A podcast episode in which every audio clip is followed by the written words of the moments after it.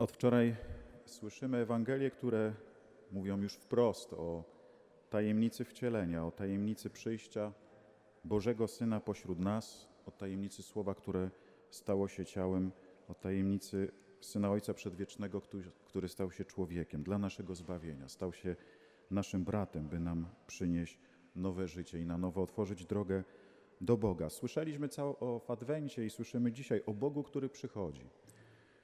Wczoraj słyszeliśmy o Bogu, który nie boi się wejść w ludzką historię z jej blaskami i cieniami, a dzisiaj słyszymy o Bogu, który przychodzi do Józefa i przynosi nowe życie. Ale to nowe życie właśnie może być nieraz, tak jak w przypadku Józefa, czymś zupełnie nieoczekiwanym.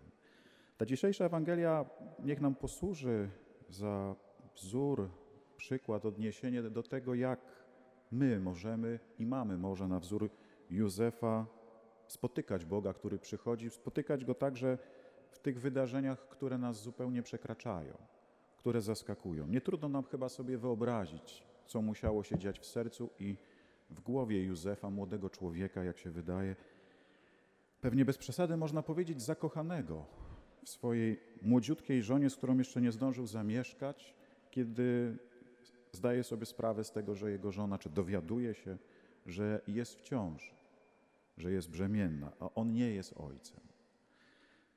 Co się w jego głowie działo? Pewnie się cały świat mógł zawalić. Świat jego marzeń, jego planów, jego drogi także do Boga i z Bogiem, bo jest człowiekiem sprawiedliwym, jak mówi pismo. Stracił być może to, co wydawało mu się jasne, pewne.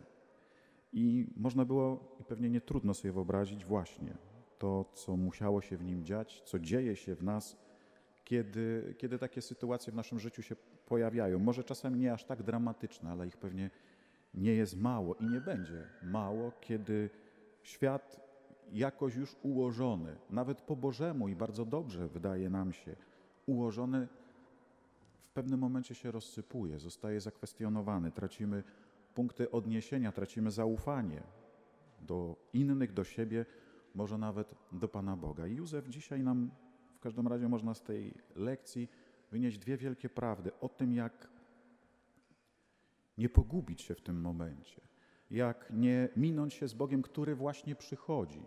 Także pośród tego i czasem w tym, co zupełnie niepojęte, jak mówimy dzisiaj, czego zupełnie nie ogarniamy, co jest wbrew naszym kategoriom, może nawet obiektywnym kategoriom tego świata. Pierwsza rzecz, Józef niewiele wiemy, a zarazem jesteśmy przekonani, czytając te wersety, te kilkanaście wersetów, które w Biblii mówią o Józefie, jest człowiekiem, który kocha. Można by powiedzieć, jest człowiekiem wielkiego serca. On chyba musiał być, tak zgadujemy, zakochany i można powiedzieć po uszy zakochany w Maryi, z którą planował swoje życie, z którą planował rodzinę, planował pewnie mieć dzieci i to wszystko mówi nam i co i dalsza historia mówi o Józefie, który ma wielkie serce, który nie boi się miłości. To znaczy także nie boi się dać swojego życia drugiemu człowiekowi, dając je także Panu Bogu. Bo tym jest ostatecznie miłość.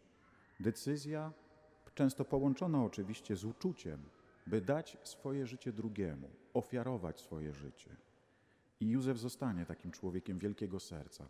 Kto ma wielkie serce, ten w tych wydarzeniach, które nieraz potrafią go wy uderzyć, pogubić, w tym wszystkim będzie potrafił znaleźć do drogę. Nie zgubi się.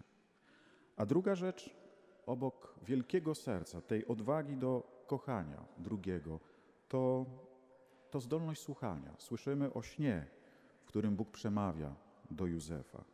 Sen w Biblii będzie często tym miejscem, gdzie Pan Bóg w wyjątkowy sposób chce coś powiedzieć człowiekowi. Sen symbolicznie jest więc tym miejscem właśnie jakiejś otwartości. Kiedy śpimy, jesteśmy bezbronni. Kiedy śpimy, to nie my decydujemy, co będziemy robić, nie my osądzamy, nie my decydujemy właśnie, angażujemy się, ale jesteśmy w jakiś sposób receptywni, przyjmujemy. I pewnie dlatego bardzo często Biblia mówi o tym, że Bóg mówi w snach, kiedy właśnie jesteśmy nie my narzucamy, nie my planujemy, nie my jesteśmy tutaj kreatorami, decydentami, ale kimś, kto w jakimś sensie jest bezbronny, otwarty na to słowo. I tego pewnie również uczy nas Józef. Kto słucha słowa, kto nie chce być kimś, kto o wszystkim decyduje zawsze sam, jest ostatecznym punktem odniesienia dla siebie samego, ten, kto jest otwarty na to słowo, również w tym, co w pierwszym momencie jest niepojęte, co przeraża niekiedy, co nas przekracza, co, co sprawia, że uciekamy, że zapominamy, że chcemy zapomnieć o tym świecie wokół nas, to sprawia, że nie miniemy się z Bogiem, że nie zgubimy drogi, na której Pan do nas przychodzi, a na której także chce, byśmy ku Niemu robili, zbliżali się, byśmy ku Niemu kroczyli. Dwie rzeczy.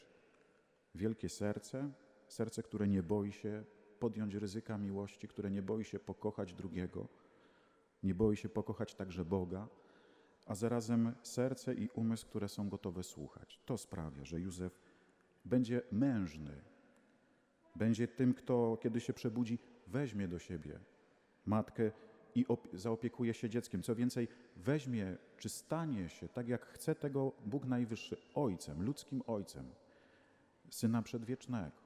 To on nada mu imię, Bóg zbawia.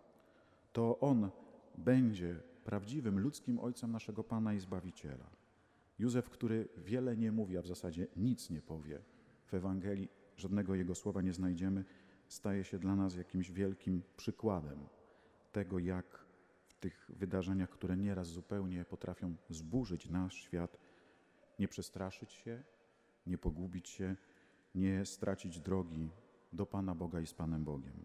I przez to pewnie także od wielu wieków Józef będzie w Kościele uważany za szczególnego opiekuna Kościoła. Tego, który troszczył się o naszego Zbawiciela, o Jego Matkę, a teraz troszczy się o to, czy wstawia się także za nami, abyśmy my wszyscy na tych drogach naszego życia, także nieraz zupełnie nie do ogarnięcia, nie do zrozumienia, które nieraz nas przerażają, czy nawet nas głęboko ranią, byśmy na tych drogach na nas nie spotkali, nie zgubili się w tym spotkaniu z Bogiem, które jest celem naszego życia, które jest celem tych świąt, którego celem jest każda nasza Eucharystia.